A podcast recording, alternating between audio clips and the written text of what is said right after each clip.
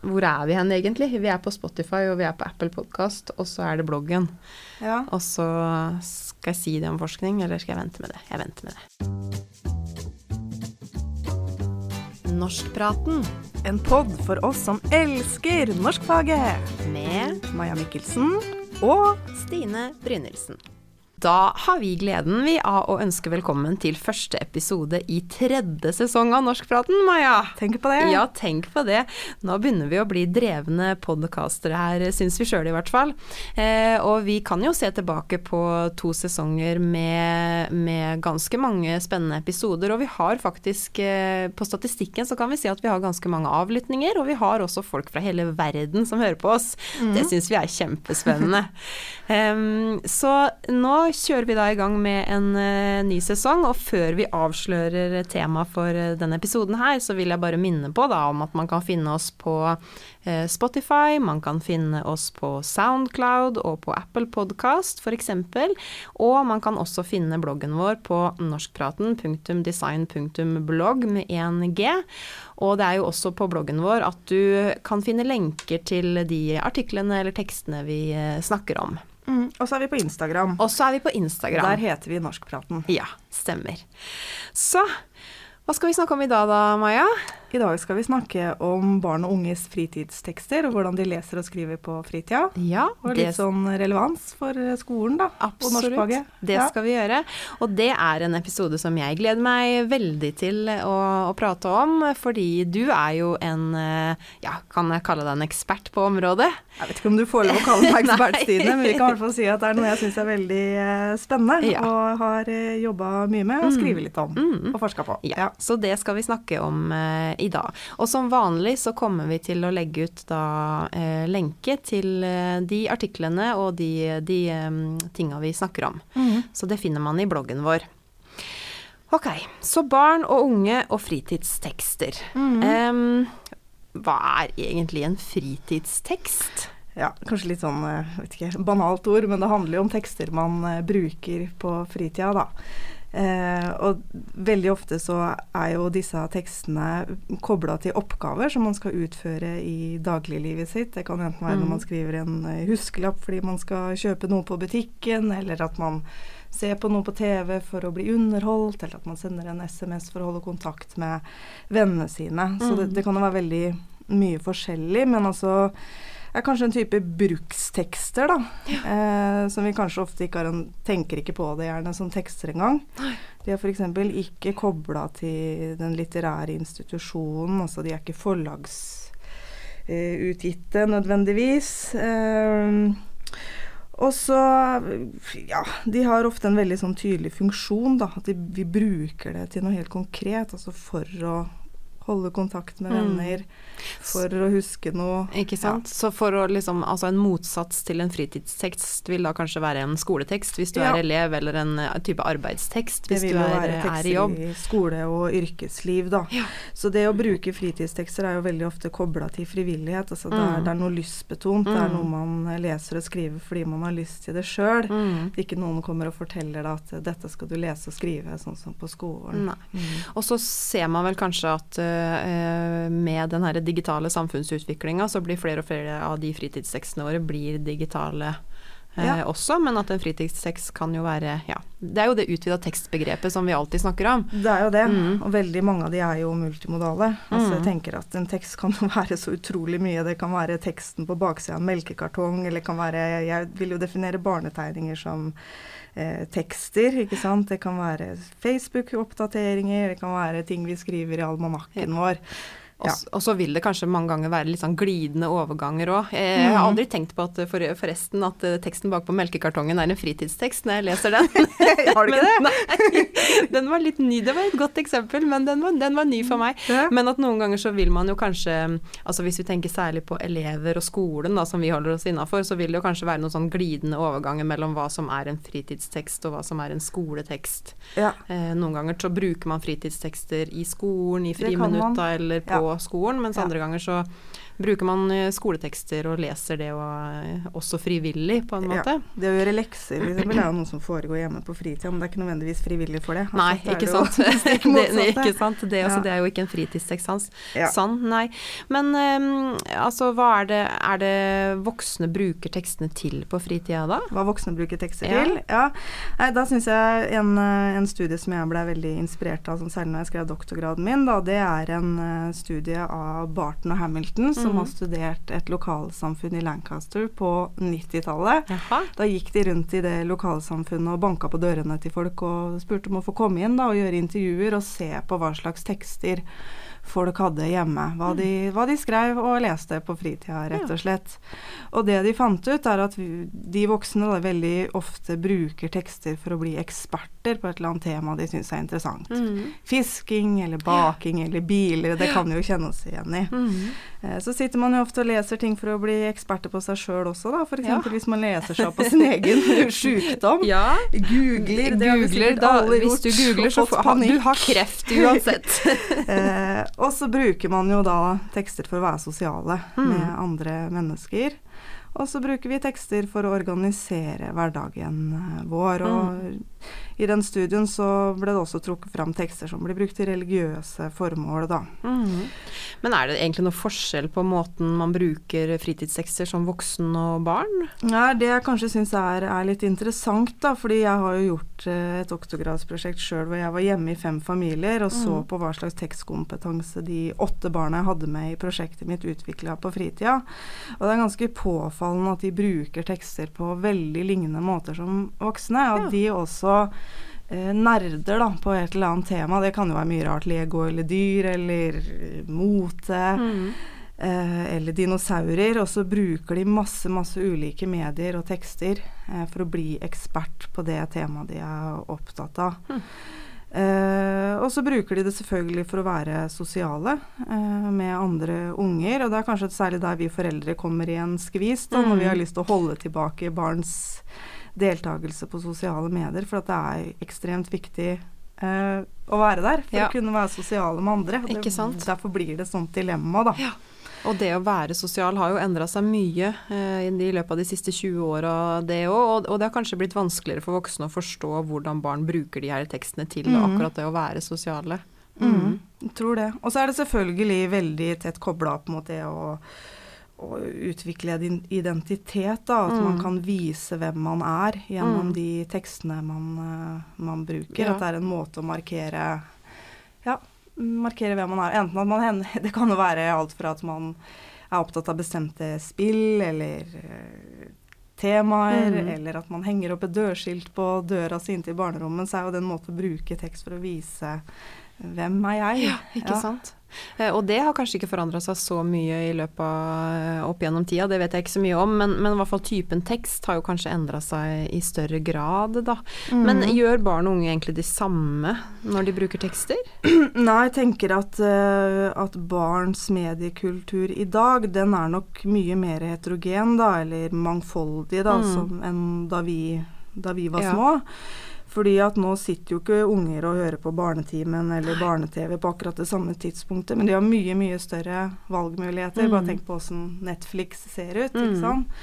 Eh, og det gjør at de kan velge, og det gjør jo også igjen at de kan spesialisere seg på enkelte temaer eller enkelte tekster. Mm. Men det finnes jo fortsatt liksom felles gods. Altså jeg ja. tror ikke man veit om en unge i dag som ikke veit om TikTok Nei, eller eh, kjendisene der, eller ja. Så, så det, det, er jeg helt enig i, fordi selv om det er et sånn stort eh, mangfold av tekster du kan velge mellom, så er det også, som du sier, det er eh, erfaringsvis, da fra min erfaring, så er det jo sånn at ungdommer og unger snakker mye om de samme tekstene. Mm. Men der forskjellen kanskje har blitt størst, er at voksne ikke lenger kjenner til mange av de tekstene. Sånn, før så kunne du som voksen sette deg ned og se på barne-TV, og så var det på en måte der du visste det, eller du kjøpte Donald-blad, eller ja. mens, mens, nå så er det kanskje sånn at du ikke kjenner til det, det tekstuniverset som mange unge befinner seg i en gang. Det tror jeg er veldig riktig. Og så mister du også oversikten når det foregår digitalt. ikke sant? Mm. For det, når det ikke er fysisk lenger, så kan du ikke nødvendigvis se det når de sitter bak skjermen sin. Så det er vanskeligere å vite hva de gjør, selvfølgelig. Ja. Eh, en forsker som heter Sonja Livingstone, som har bl.a.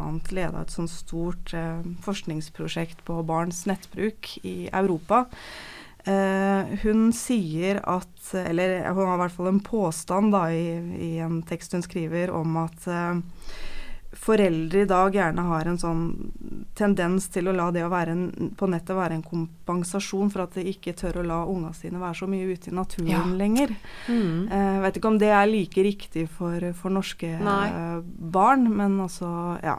Kanskje andre steder i Europa og Så- større steder. Så at foreldre har en tendens til å tenke at det å være på nettet er trygt, fordi man ser jo at ungen sin sitter Ja. der i stua Mm. og er fysisk til stede. Eh, Men man vet samtidig ikke hva de har forsvunnet i. Nei.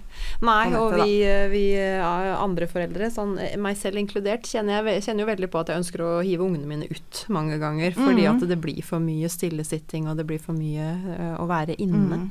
Det er veldig masse negative sider selvfølgelig ved det å være med på sosiale medier, og masse risikoer knytta til å være på nett. Man kan Mm. bli utsatt for eh, Altså være vitne til liksom, voldsfilmer, Mm. eller komme ut for pornografi, eller bli utsatt for overgrep. Men jeg tenker at det, det er to sider her. At Mm. det, er, det er, selv om det er mye farer og risikoer, så er det også mye positivt knytta til det å Eh, være, være på nett Mm. og Og- leike seg med tekster. Det er viktig viktig å huske at barn leiker seg med tekster. At det er, det de, det er tett kobla mot leik. Mm, og det er vel det perspektivet vi ønsker å ha mest Akkurat i av dag, ja. Ja. At eh, så vi, vi anerkjenner at det finnes mye som man skal være kritisk til og forsiktig Absolutt. med, men, men det er også viktig å, å kjenne til det som er både en viktig del og en lystbetont og, og ja, en sentral mm. del av ungers liv, da. Men, eh, men hvis vi tenker litt hvis vi nå, nå har vi jo snakka litt om fritidstekster generelt og hva man gjør hjemme, men vi snakker jo selvfølgelig også ut ifra et sånn skoleperspektiv. Ja. Og mm, altså, hvorfor bør egentlig lærere ha kunnskap om hva barn leser og skriver og gjør på fritida? Ja. Um, og det er jo det som vi skal snakke mest om nå, og det tar jo også litt utgangspunkt i hva vet vi egentlig om barn og unges eh, tekstpraksiser, som Mm. både som forskere og som lærere kanskje òg bør være kjent med, da. Mm. Og det er jo også litt her din uh, artikkel uh, om barns bruk av Snapchat, som vi Ja. snart skal snakke om, Ja. eh, kommer inn. Fordi du har jo vært gjesteredaktør Mm. sammen med eh, Gudrun, eh, Kløverhjul. ja. og i Nordic Journal of Literacy Research, der Mm. dere har et sånn special issue, som det heter på fagspråket. Altså Mhm. en utgave som handler da om barn og barns eh, og unges eh, tekstpraksiser. Mm. Eh, kanskje vi skal si litt om hva en tekstpraksis er aller først? Ja, da var ble det mye Nå hoppa det kanskje litt, ja. Vi kan kanskje starte med å si hva en Ja, teksthendelse er, fordi det er litt enklere å forklare. Det er også et begrep fra Barton og Hamilton som jeg snakka om i stad. Men Mm. um, altså En teksthendelse er en eller annen situasjon hvor teksten er en sentral del av situasjonen. Hvor det er Mm. noen deltakere som bruker en eller annen tekst. Mm. Og veldig mange av de situasjonene vi deltar i i det daglige, er jo teksthendelser. Altså Mm. Det å sitte her og spille en podkast er en teksthendelse. Mm. Vi har noen papirark foran oss, og vi leser det vi har skrevet. Mm. Eh, det å gå en tur på jobb sånn uten å høre på podkast, det vil jo ikke være en teksthendelse. Eh, men det er på, vi bruker påfallende mange tekster i det daglige. Ja. Eh, og det er ofte sosiale, sosial, sosiale situasjoner. Mm. Eh, og så er disse teksthendelsene, de repeterer seg. Mm. Så teksthendelser kan ligne hverandre. Og når de gjentar seg over tid, så oppstår det en måte praksiser eller bestemte måter å bruke Ja. tekster på. Så det kan kanskje minne Altså en tekstpraksis er en måte å lage eller bruke tekster på som man kjenner igjen litt. Altså man vet mm. når man på en måte har fått en SMS, og man, eh, man vet når man Mhm. hører på en podkast. Så Mm. litt sånn innafor sjanger-ish-begrepet, Ja, eller nært beslekta med sjangerbegrepet, også egentlig diskursbegrepet. ikke sant? Det er også kobla til dette her med normer og verdier. ikke Mhm. sant? Hva, at vi har bestemte måter, og at det er kobla bestemte verdier og normer til måten vi kommuniserer på. mm. Enten på skolen eller, eller hjemme, eller Mm. knytta til bestemte temaer. Ja. Og, og i den Unnskyld. I den uh, special issuen da, som mm. dere har lagd, så har dere også uh, lagd en sånn oversikt, en review som det heter, og sett litt på hva slags type forskning i nordisk sammenheng i løpet av de siste 20 åra det fins som har sett på, på tekster eh, og Mhm. barn og unges eh, bruk av de. Og da finner dere jo at det fins på en måte at man forsker på de her tekstene i et skoleperspektiv, eller på teksten som en tekst, eller mm. på deltakerperspektiv, altså hvordan barn deltar i ulike sånn, tekstpraksis eller, eller, hendelser, da. Mm. Eh, og det er jo et felt som eh, eh som kanskje først og fremst forskere har vært litt opptatt av. Kanskje man burde vært mer opptatt av det òg? Ja, jeg syns jo det. Det er ganske påfallende at mye av det vi veit om åssen unge leser og skriver på fritida, det er samla inn det er data som er samla inn på skolen. Ja. Men vi trenger nok mer forskning på, på, på hvordan barn leser og skriver der dataen er samla inn f.eks. hjemme, eller mm. knytta til liksom, fritids... Eh, tilbud eller mm. ja. Så man vet på en måte mye om hva, altså hvordan eh, barn og unge bruker tekster på skolen, og så mm. vet man litt, men kanskje ikke like mye om hvordan de bruker det på fritida. Og så mm. er det jo det som Tilbake til det opprinnelige spørsmålet, da. Hvorfor bør lærere ja. egentlig vite noe om ja. um, den forskninga her, eller mm. hvorfor bør man undersøke? Hva, hva, hvorfor skal vi vite hva unger gjør på fritida? Ja, da har jeg lyst til å hoppe litt tilbake til det vi snakka om i stad. At mm. barn får så ulik tekstkompetanse hjemme i dag. Mm. Eh, og at tekstkompetansen er kanskje mer heterogen enn tidligere. Og at det er noen barn da som har en tekstkompetanse som ligger veldig nære og tett kobla opp mot skolekulturen. Og de vil jo da selvfølgelig ha en fordel på skolen. Og mm. et godt eksempel fra mitt eget doktorgradsprosjekt er en gutt på elleve år som jeg har kalt Even. Og han, eh, han spill, er typisk opptatt av sånne spill hvor han administrerer romerske byer. Han leser masse bøker. Han var veldig opptatt av Harry Potter og Percy Jackson når jeg var eh, var hjemme på besøk hos han. Han lagde, satt og lagde tankekart og powerpointer mm. bare fordi han syntes at det ja. var, var, gøy. Og mye av det han leste og skrev, var veldig skriftdominert. Mm. Så du hadde på en måte han på den ene sida som lærte seg da et sånn helt vokabular knytta til historie mm. og maktutøvelse og ja. Eh, og så, du, ja, så har du på en måte de barna på den andre sida som kanskje har en eh, tekstbruk som er mye mer tettere kobla opp mot eh, kommersiell kultur eller mm. eh, popstjerner og eh, ja, skuespillere. Eh, og som kanskje også har en, en, tekstbruk som er mye mer dominert av det visuelle. Et eksempel der i min avhandling er jeg kalt Kajsa, som er veldig opptatt av Eh, mote eh, og design, og designer masse klær i sånne motespill, f.eks. Eh, brukte et spill Var veldig glad i et spill som het Moviestar Planet, der det var om å gjøre å være eh, Bli rik og berømt i et sånn Hollywood-lignende univers. Og det er klart at hun har da en, får for en tekstkompetanse som ligger mye mer lenger unna ja. eh, skolekulturen, også fordi de verdiene da i f.eks. det spillet om som handler om å bli rik og berømt mm. og bruke masse, masse penger, mm. ligger ganske langt unna de verdiene som, som på en måte skolen eh, mm. er opptatt av, da. Ja. Så, så, dermed så er det viktig å vite som lærer òg at det fins ulike typer tekstkompetanse som barn har med seg fra, ja. fra fritida si, og som, som, man også kanskje burde være flinkere til å også se og, og anerkjenne, da. Ja, man, ja, det mener jeg. Mm. Um, så det kan jo både handle om, om, at man selvfølgelig, da, som man gjør i norskfaget, utfordrer den tekstkompetansen som eh, barn har med seg hjemmefra, men at man også kan bygge videre på det barn allerede kan. Sånn som mm. hun Kajsa da har hun en veldig, veldig god visuell tekstkompetanse. Mm. Hun vurderte Veldig mye av det hun gjorde, var å vurdere på en måte om noe var visuelt attraktivt, stygt, pent. Altså det er litt sånn estetisk eh, sans. Ja, og det er jo en måte man, man, vel også vet at barn og unge bruker tekster mer og mer, er jo mer og mer det visuelle. Altså det skrevne ordet, det, det har ikke den eh, dominerende plassen i, i, i, samfunnet vårt sånn som det kanskje hadde før, da, der du bare leste bøker. Mm. Men det jeg tenker og er interessant, som, som dere også skriver i den reviewen deres, er jo at det er på en måte tre, tre, hovedgrunner da, kanskje til å interessere seg for hva barn gjør på fritida. Og det ene er jo fordi at man får kunnskap om hvordan barn uttrykker seg. Mm. Så hvordan de, ja, hvordan de, rett og slett uttrykker seg gjennom særlig digitale tekster. Da. Det sier dere jo også i den reviewen at mm. i løpet av de 20 åra her så er det vel først og fremst digitale tekster. Ja.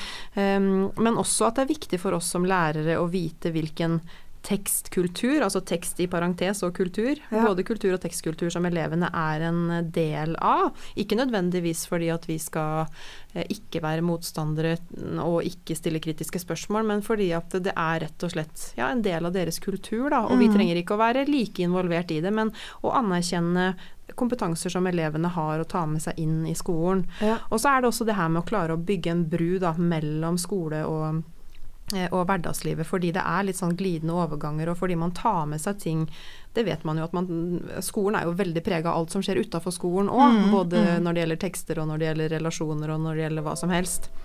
Eh, og en av de tinga som jeg kanskje syns også var veldig interessant som dere pekte på, som går rett inn, tenker jeg, i fagfornyelsen og i det her med å tenke dybdelæring, det er at flere studier har funnet ut at eh, de tekstaktivitetene som foregår utafor skolen, altså når unger og barn lager tekster utafor skolen, så er de veldig opptatt av ikke bare produktet, Mm. men de er opptatt av sjølve prosessen. At det å lage de her tekstene i seg sjøl òg, den prosessen underveis er både motiverende, og man samhandler, og man har et sånn veldig formål, da. Mm. Så hvis vi hadde klart å overføre den type tekstglede til skolen Ja, det hadde jo vært Det hadde jo vært fantastisk. Og det, Det gjør gjør man kanskje ja. mange, i, i en ja, del grad òg, altså, men Men er veldig, sant? Det er, veld, det er veldig mye læring i Mm. det unger gjør med tekster på fritida, som kanskje ikke alltid blir anerkjent Mm. eh, i skolen. Altså veldig mye uformell læring. Altså jeg tenker I, i barnehagekontekst er man jo veldig veldig opptatt av den uformelle Mm. læringa, den leikprega eh, læringa. Eh, så man kan lære mye om hva som egentlig gjør barn motiverte, da.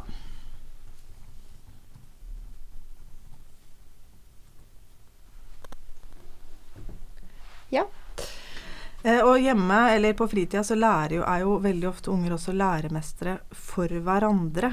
ja. Og et annet ting som jeg syns er veldig, eh, veldig eh, interessant med måten barn lærer på hjemme Nå plinger det veldig i dataen her.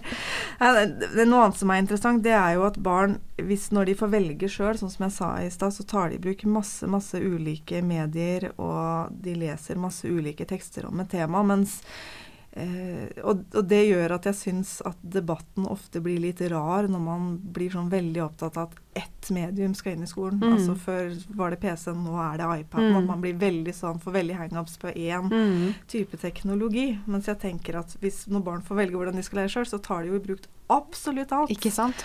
Og De det hadde, jo vært, ja, det hadde vært drømmen. Den debatten er jo også ofte prega av økonomi, selvfølgelig, Ja. og av enhetlig At man skal tenke, tenke enhetlig. Men, eh, men jeg jo tenker det. Det å, det å liksom og det går igjen, tenker jeg da, rett inn i fagfornyelsen, med det her med å få lov å utforske, med å få lov å være kreativ, med, med å lære å lære. Så det er mange sånne kompetanser som unger kanskje har, da, Mm. som de også burde få lov å ja, bruke, eller i hvert fall at lærere kan se det. Ja, Men de har ikke Um, nødvendigvis metaspråket, ikke sant? så det er jo det lærere og norsklærere kanskje må lære Mm. dem. Da En som jeg intervjua i doktorgradsprosjektet mitt som jeg kalte Sander, han viste meg f.eks. at han hadde ganske god narrativ kompetanse når han snakka om spill. Da sa han det veldig fint, og sa han alle spill må ha en slemming. Ja. eh, Og det, det sier jo noe om at han veit at i en fortelling så må det finnes Ikke en eller annen form for motstander. Da. Mm. Sånn, og, så det er, det er absolutt uh, at vi både ja, kan gi det et metaspråk og kan gi dem en større forståelse, Mm. og selvfølgelig som sagt være den som også kan gi litt motstand da, og, og stille noen kritiske spørsmål og lære elevene um, Altså det her med krit kritisk literacy. Critical literacy. Rett og slett. Som, som du jo også skriver litt om, eller sier litt om i, i um, artikkelen din. Ja. Uh, og så bare full siste poeng før vi går over til den, så mm. tenker jeg også at en grunn til at man bør ha kunnskap om det her, er også fordi at eh, elevene tross alt har ganske mye digital kompetanse, Mm. som du òg kan bygge på. I og med at så mange av de fritidstekstene er digitale, så er det også eh, Og digitale ferdigheter er en grunnleggende ferdighet og innbakt i veldig mange eh, kompetansemål, og, og sammensatte tekster òg, ikke minst, Mm. så er jo det her noe man kanskje kan bygge videre på, da. Mm. Så har du vært ute og undersøkt barns bruk av Snapchat. Mm -hmm. um, hvorfor fikk du lyst til det? Um, det var nok kanskje fordi at i doktorgradsprosjektet min så samla jeg inn så ekstremt mange forskjellige tekster i ulike sjangre og medier Mhm. at eh, jeg fikk lyst til å studere på en måte én type tekstpraksis litt sånn nøyere. Mm. Eh, det var det. Og så er det Altså det fins jo en del forskning på Snapchat sånn, sånn rent overordna, holdt jeg på å si, men det, det å faktisk liksom analysere Snapchat-tekstene eh, det er ikke så vanlig, så vi fikk lyst til å gjøre tekstanalyser av Snapchat-tekster som barn og unge lager. Mm. Ja. Og Snapchat er jo en viktig del av Ja. mange barn og unges eh, liv. Ja. Eh, Det er jo sånn hvis man ser på Barn og medier-rapporten fra 2020 som Medietilsynet eh, har lagd, og som vi også legger ut eh, her, så er det jo sånn at for det første så er nesten alle barn mellom 9 og 18 år er på en eller annen form for sosiale medier. Og 80 av barn og unge mellom 9 og 18 de bruker Snapchat. Mm. Det øker jo eh, veldig i forhold til alder, selvfølgelig, men, eh, men det er, eh, det er da eh, 30 ish som, eh, som er mellom 9-10 som bruker Snapchat, og så øker det eksposensielt nesten, nesten eh, til nesten 100% når man er 18. Ja. Så er det ikke så veldig stor forskjell på kjønn, det er nesten like stor mm. Mhm. Altså det er ikke veldig store kjønnsforskjeller. Så, så YouTube er på en måte det sosiale mediet som flest ungdommer og barn bruker, eh, 95 ifølge den eh, rapporten, og 80 Snapchat, og så kommer TikTok og Instagram på 65 Ja. Facebook på 51 og så er det dukka opp eh, de her Roblox og Discord, som jo eh, kanskje ikke har vært så store før, men som har økt en del i den siste tida, som rundt 30 sær- mye gutter da, bruker. Mm. Men Snap er liksom Ja. bautaen enda. Det har vært det foretrukne mediet så vidt jeg var helt siden 2016. Da. Den Mm. rapporten fra Medietilsynet som kom i 2016, de gir jo jevnlig ut sånne rapporter Mm. over barns mediebruk. Mm. Mm. Men hva er det egentlig som kjennetegner Snapchat som en sånn tekstpraksis, da, som vi snakka om? Mm, ja, kan vi kanskje først snakke om de to begrepene som heter Ja. bonding og bridging. Mm. Eh, altså Snapchat er eh, et sted hvor du veldig ofte har eh, nærkontakt med, et, eh, med de du kjenner godt. da. Det vi kaller for bonding. Mens på Facebook har du gjerne kontakt med et mye større, mer sånn overfladisk nettverk. Mm. Det kan vi kalle for bridging. Det har nok forandra seg litt. Når jeg eh, var på Facebook for første gang, så hadde jeg bare to Ja. venner som var søster og tante, liksom, som var sånn nærkontakter. Mm. det, så det har nok eh, Sånn at Snapchat har blitt et eh, medium hvor man har tett kontakt med folk man kjenner godt fra før. Da. Det er ikke alltid sånn, men det, det er liksom det som kanskje, kanskje skiller Snapchat fra Facebook. Mm. Og så er det jo disse her stereotypiske malene da, som vi kjenner ting som er sånne gjengangere som vi kjenner fra, fra litteratur f.eks. Og, og ellers i kulturen. Altså engler og klovner eller kaniner. Det er de, de filtrene, ja. De filtrene er viktige. Mm. Ja. Og så er det jo en norm, da. På Snapchat om at man skal pakke inn innholdet i noe som er veldig humoristisk eller idyllisk. Og det er jo klart at de, de malene legger jo veldig opp til det. Mm. Sånn at, at eh, praksisen er veldig styrt av, av verktøyet. Mm. Og så er jo, nå veit jeg selvfølgelig at det går an å ta bilder på avstand med kamera, men det ligger jo i Snapchat-kameraet ligger det jo en forventning om at eh, bildet skal tas ganske nært. At det Mm. skal være nærkontakt da, mellom avsender og mottaker. Og, og som du også skriver, det her med eh, Snap som en sånn selfie-generator, nesten. Altså Ja. det skal være eh, nærkontakt, gjerne ansiktet ditt. Du skal, du skal se på Ja. den du Altså se på Mm. kamera. Fokus på ansikt og kropp, kan Ja. jeg vel kanskje si. Mm. Og det syns jeg er litt sånn interessant med Snapchat som liksom et skriveverktøy. At man bruker ikke bare fingre og trykker, men man må be bevege kroppen. ikke sant? Så Mm. kroppen er nærmest blitt et uh, skriveredskap. Hele Ja. kroppen. Fordi man da både kan ta bilder, men man kan også ta videoer, og man Mm. kan eh, legge på de her filtra, og man kan få på animasjoner, og man kan sette sammen mange ulike eh, element, da, eller Mm. semiotiske ressurser, eller hva du, du vil Ja. kalle det. Ja. um, men hva er det du har gjort da i ditt uh, prosjekt? Ja, jeg har uh, hatt med meg åtte barn Mhm. som uh, har fått eh, fire spørsmål om uh, hvordan de bruker Snapchat, hva de tenker om det, Uh, hva som motiverer dem til å bruke, bruke Snapchat. Og så har de sendt meg Snapchat-tekster. Da har de helt sjøl fått velge eh, hva de vil dele med meg og ikke. Så det er jo viktig når man forsker. Ikke skal ikke være noe, være noe, tvang, så det er helt frivillig. Så da har jeg, endte jeg opp med til slutt 67 snapper mm. som jeg fikk lov å analysere. Mm. Noen har sendt meg mange, mange snapper. Jeg tror den som sendte meg flest snapper, var en eh, gutt. Han sendte meg vel 15, mm. og så var det ei som sendte meg to. Så det varierte veldig, da. Så har jeg på en måte prøvd å gjøre som sagt tekstanalyser i de mm av de snappene. Og ja, kategorisert dem og se på hva slags situasjoner de hører hjemme i, og hvordan de unga formidler mening, da, mm. når de kommuniserer. Eh, og én ting som, eh, bare før vi går litt videre på å si hva som kjennetegner den måten ungene bruker Snap på, så syns jeg jo det var litt, eh, litt, morsomt da i artikkelen din der du skriver, for er, man er jo selvfølgelig veldig opptatt av anonymisering og frivillighet, mm. og, ja. og, du har snakka med foreldrene og sånn, og så fortalte du ungene at du ikke kom til å bruke navnene deres. Ja, de syns at det var dumt, ja. da. At de ikke kom på trykk i denne artikkelen med sitt egentlige navn. Ja, og det sier jo kanskje også noe om at man på en måte ønsker å ja. formidle det her, og ønsker å stå fram. De er, syns, ja. å, de er, vant til å dele, og mm. syns det var helt greit. Mm. Men hva kjennetegner den måten som ungene brukte Snap på da? Uh, ja, Det første er jo det at det er så veldig tett kobla opp mot, uh, mot leik, og særlig rolleleik. At mm. de bruker det som en form for utkledning, og så spiller veldig ut de rollene som de på en måte tildeles gjennom det Eh, det filteret. Altså lager fortellinger, f.eks., for eller sanger. Mm. Du hadde jo en jente som, ja. som, ble en fisk. Som ble en fisk, annet, ja. ja. Altså, tar på en måte filteret helt bokstavelig og lager en fortelling om den fisken mm. som var forvandla til. Så den fortellinga handla om det å bli eh, blir forvandla. Mm.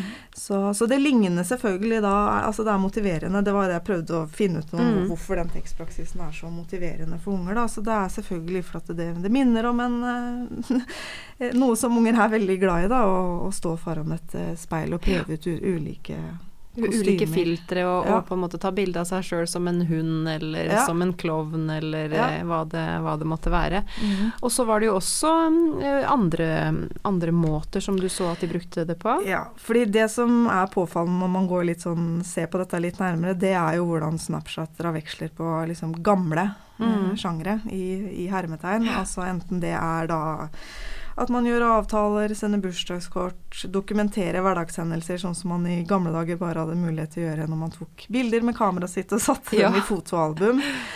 Eh, sånn at sånn sett Altså, det er selvfølgelig Kommunikasjonen er på en måte ny. Det der at vi driver og dokumenterer ting hele tida mm. og fortløpende og deler det, er jo noe, noe nytt og kanskje litt rart, hvis man ser det fra, eh, fra, fra, utsida. Men samtidig så er ikke det vi driver med så, så innmari nytt likevel. Altså, vi gjør det, det vi alltid har gjort, bare, bare i en ny, ny eh, innpakning. Ikke sant. Fordi det handler jo om det her med å samhandle og kontaktskape og, og opprettholde den her eh, nærkontakten, da, som mm. du sa, mm. med venner du allerede kjenner og, eh, og, familie. For det er kanskje i hvert fall ingen av de som du har sett på, har, eh, har snappa til fremmede folk eller lagt til noen på Snap som de ikke kjenner nødvendigvis, eller det, eller det vet du kanskje det ikke. Det vet jeg ikke, for de har sjøl, jeg regner med jo, at de ja. har både hatt samtale med foreldra ja. sine om dette og, og ja, har nok strategisk valgt ut valgt ut de tekstene som de vil dele med meg, og det mm. påvirker jo selvfølgelig datamaterialet. Men at mm. dette er autentiske tekster, altså det er ikke tekster som jeg er mottaker. For det Nei. kunne man jo fort tenkt seg at de lagde snapper med meg som ja. mottaker. Men det er ting de har delt på Snapchat Story, eller ja. Sendt til tanta si når de har klippet i håret, mm. eller ikke sant. Ja. Mm. Så det er eksempel på autentiske kommunikasjonssituasjoner. Mm. Ja. Så de tekstene også handler jo på ulike måter om privatlivet, da, mm. eller sånn som vi sa i stad, de handler om kropp og ansikt. Ja. Ja, ja også, det kan man også se for de snappene Eh, viser fram steder der de ungene befinner seg i hverdagslivet sitt. Ja. Enten det er når de går hjem fra skolen, eller de er på kjøkkenet, eller mm. sitter i bilen. Men samtidig så sier du jo også, eh, og gjør som et funn, at jo, det handler om hverdagshendelser, men det er en slags fortrylla hverdagshendelse, på en måte. Fordi eh, du, du legger jo på et fancy filter, eller mm. du skriver noen fine bokstaver.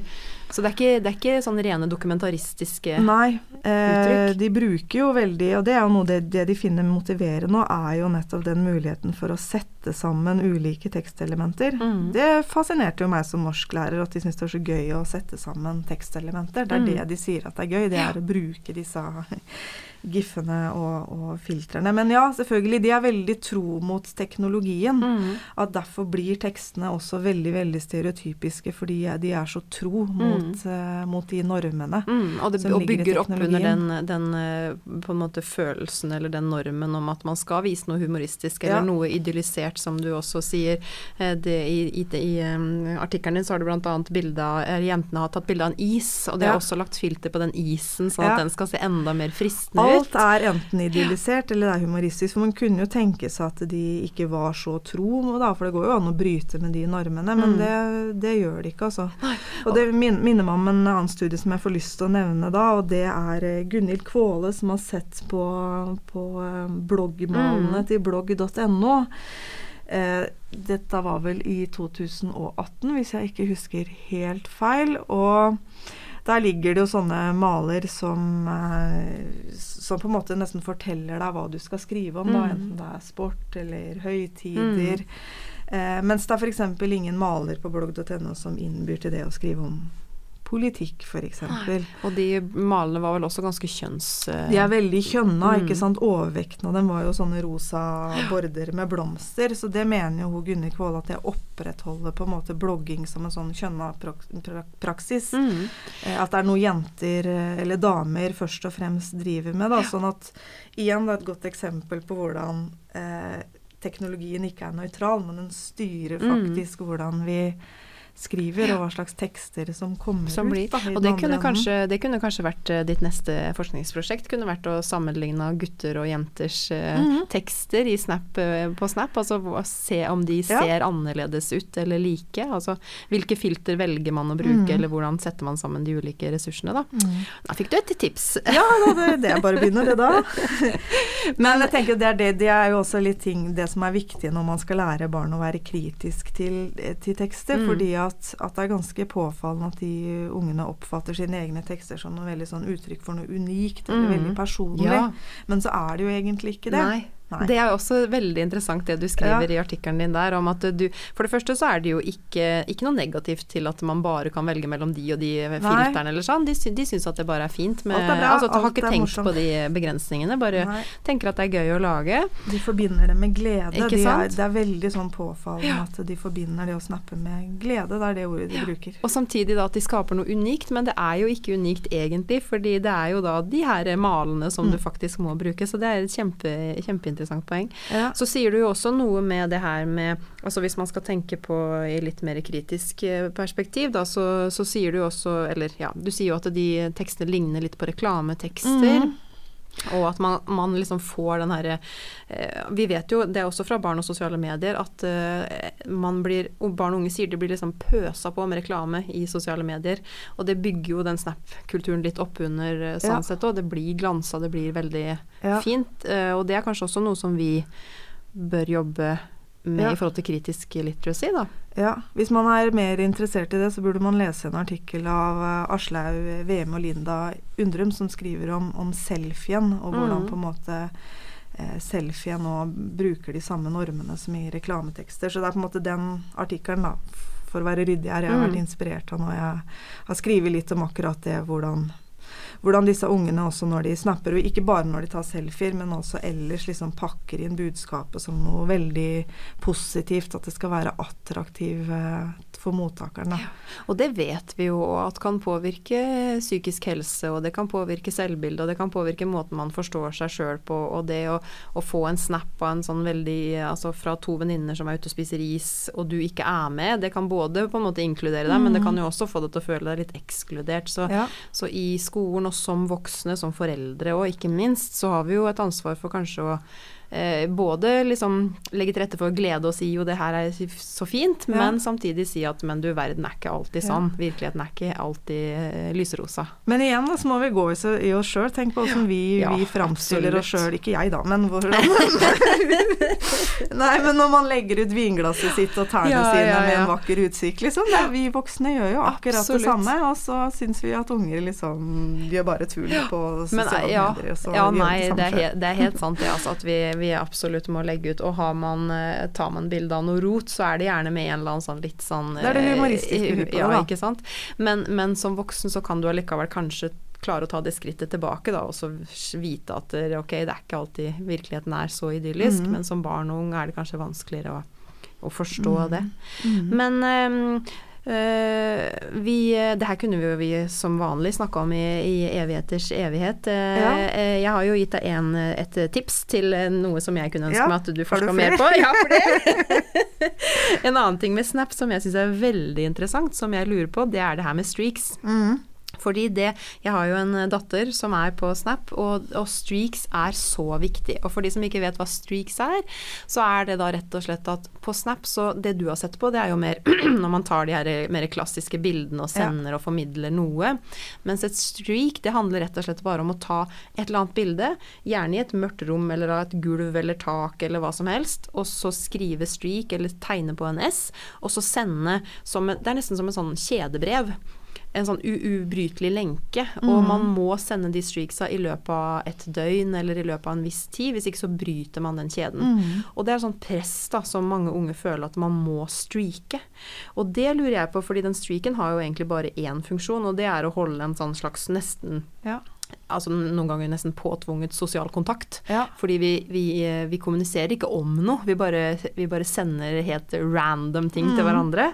Så det, det syns jeg hadde vært veldig interessant. Jeg har lest om mm. både en klasse som uh, var på fjelltur, der noen av elevene ble helt desperate fordi det var ikke dekning der. sånn at de ikke De, de gikk opp på høye fjelltopper og prøvde å få dekning for å få sendt den stryken. Ja. Og jeg, jeg, har også hørt om uh, foreldre der ungene har dratt på leirskole, og så må mor sitte hjemme og holde, holde den streaken, da, fordi de har ikke fått lov til å ta med seg mobilen, og holde den streaken med i hvert fall de to-tre viktigste ja. eh, vennene. Og, og også hørt historier om at, eh, at eh, man, man, på en måte får sånn litt sånn sosiale sanksjoner når man bryter streaken. Mm. Folk blir sinte, altså. Mm. Eh, så det hadde vært noe. Og så lurer jeg også på Snap-grupper. Ja. For det jo er en sånn egen eh, Der på en måte alt livet foregår innafor en sånn Snap-gruppe gruppe. Mm. Det, det, hadde også vært gøy, altså. Mm. Men det det er, det er, veldig masse som er gøy. Det er noen utfordring råd selvfølgelig mm. og det der å forske på ja. privatlivet til folk. Fordi at uh, man trår jo, man trår jo innafor noe som er, er privat, da. Uh, så det er noen utfordringer knytta til det. Men jeg, jeg, når du sier det med streaks, jeg har hørt at uh, det kalles for tørrsnapping. Det okay. å liksom bare ta et bilde av et øre eller noe, et eller annet for bare for Altså det er innholdstomt, da. Så bare sender man det for, som du sier, for å, for å ha den kontakten. Den Men uh, nå, nå, går vi snart inn for snap-landing her, tror jeg. ja. Eh, Maja, hva, hva, hva, skal vi avslutte med? Altså, en ting vi kanskje kan eh, gi et lite tips om, i hvert fall, det er jo det mm. her med hvor, hvor kan man gå, enten som lærer eller som foreldre, for, for ja. å få litt råd da, om barns bruk av sosiale medier. For det, det, er jo ikke så lett å vite alltid. Det er ikke så lett å vite alltid, og så er det jo litt sånn Opplever jeg sjøl som liksom, nesten som at man blir utsatt for litt sånn gruppepress som mm. forelder òg. Eh, når alle andre får lov til noe, så ja blir man kanskje medgjørlig sjøl. Eh, både Redd Barna og Medietilsynet har veldig gode råd mm. om barns bruk av sosiale medier. Mm. Eh, så dit kan man gå. Og så kan man også ta en titt på de barn og medier-rapportene, da. Syns jeg er veldig interessant. Eh, for, å, for, å, få litt sånn oversikt over hva unger sier, sier at de faktisk gjør. Ja, det tenker hva de er redd for, mm. redd for, og hva de blir utsatt for. Ja, og så ja. tenker jeg jo det at det, det, rådet som jeg i hvert fall opplever blir gitt på nytt og på nytt, det er jo at jo det er først og fremst foreldrene som må liksom ta den samtalen med ungene sine og finne ut det, kan, det er ikke sikkert at den aldersgrensa er bestemt verken den ene eller den andre veien, men du som forelder må sette deg inn i, mm. i det Eh, verktøyet, holdt jeg på å si, den tjenesten, og finne ut hva det er, hva ungene gjør. Og så må jo du i samtale med ungene ta den beslutninga på mm. hva som er riktig for deg og ditt barn. For det er ikke sikkert at det er alltid er riktig å si nei eh, til noe som har 13 års aldersgrense bare fordi det har 13 års aldersgrense. Nei. Akkurat som det ikke er sikkert at det er riktig å si ja med en gang ungen, ungen blir 13 år. Eh, fordi det er ikke sikkert at ungen er noe mer moden av den grunn. Mm. Samtidig så veit vi jo sånn i alle andre sammenhenger at det er ikke alle barn som får den oppfølginga som de kanskje trenger hjemme. Og eh, det fins foreldre som kanskje ikke er like bevisste sjøl på mm. hvordan de framstiller seg sjøl på sosiale medier, eller mm. hva de gjør der, eller er kritisk til informasjon. Sånn at jeg tenker at eh, skolen må ha et ganske, ganske stort eh, ansvar. ansvar. Ja. ja. Skal vi la det være siste ordet Ja. sagt? Norskpraten En pod for oss som elsker norskfaget. med Maja Mikkelsen og Stine Brynildsen.